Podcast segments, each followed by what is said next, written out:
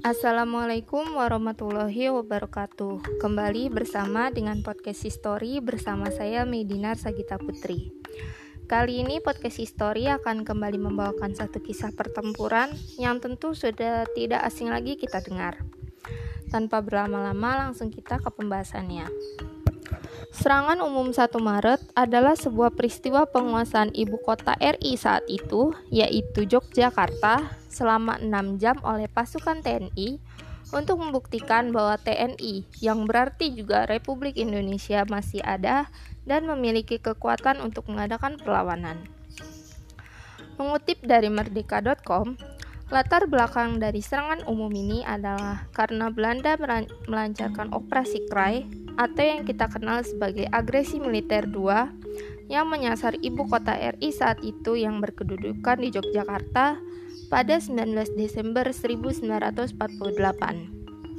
Serangan tersebut menyasar Istana Kepresidenan, Markas Tentara Nasional Indonesia, dan Bandar Udara Maguwo, serta para tokoh penting pemimpin Indonesia.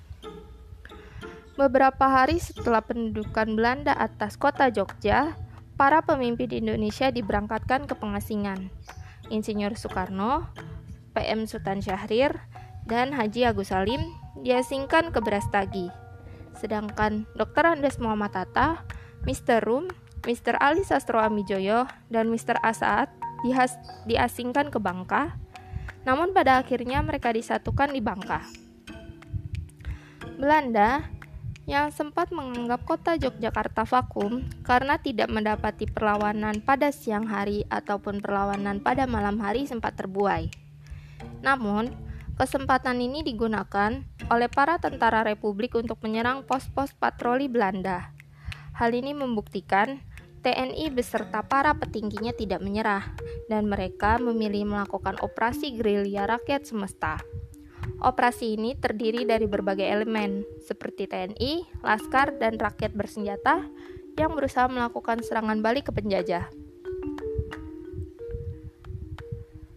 Seperti yang tertulis dalam laman kemendikbud.com, para pasukan menyingkir ke bukit, lembah, dan pelosok. Para pasukan menunggu instruksi untuk melakukan penyerangan. Sementara para petinggi militer dan para pemimpin pemerintahan setempat sepakat mengambil alih kota Yogyakarta pada 1 Maret 1949.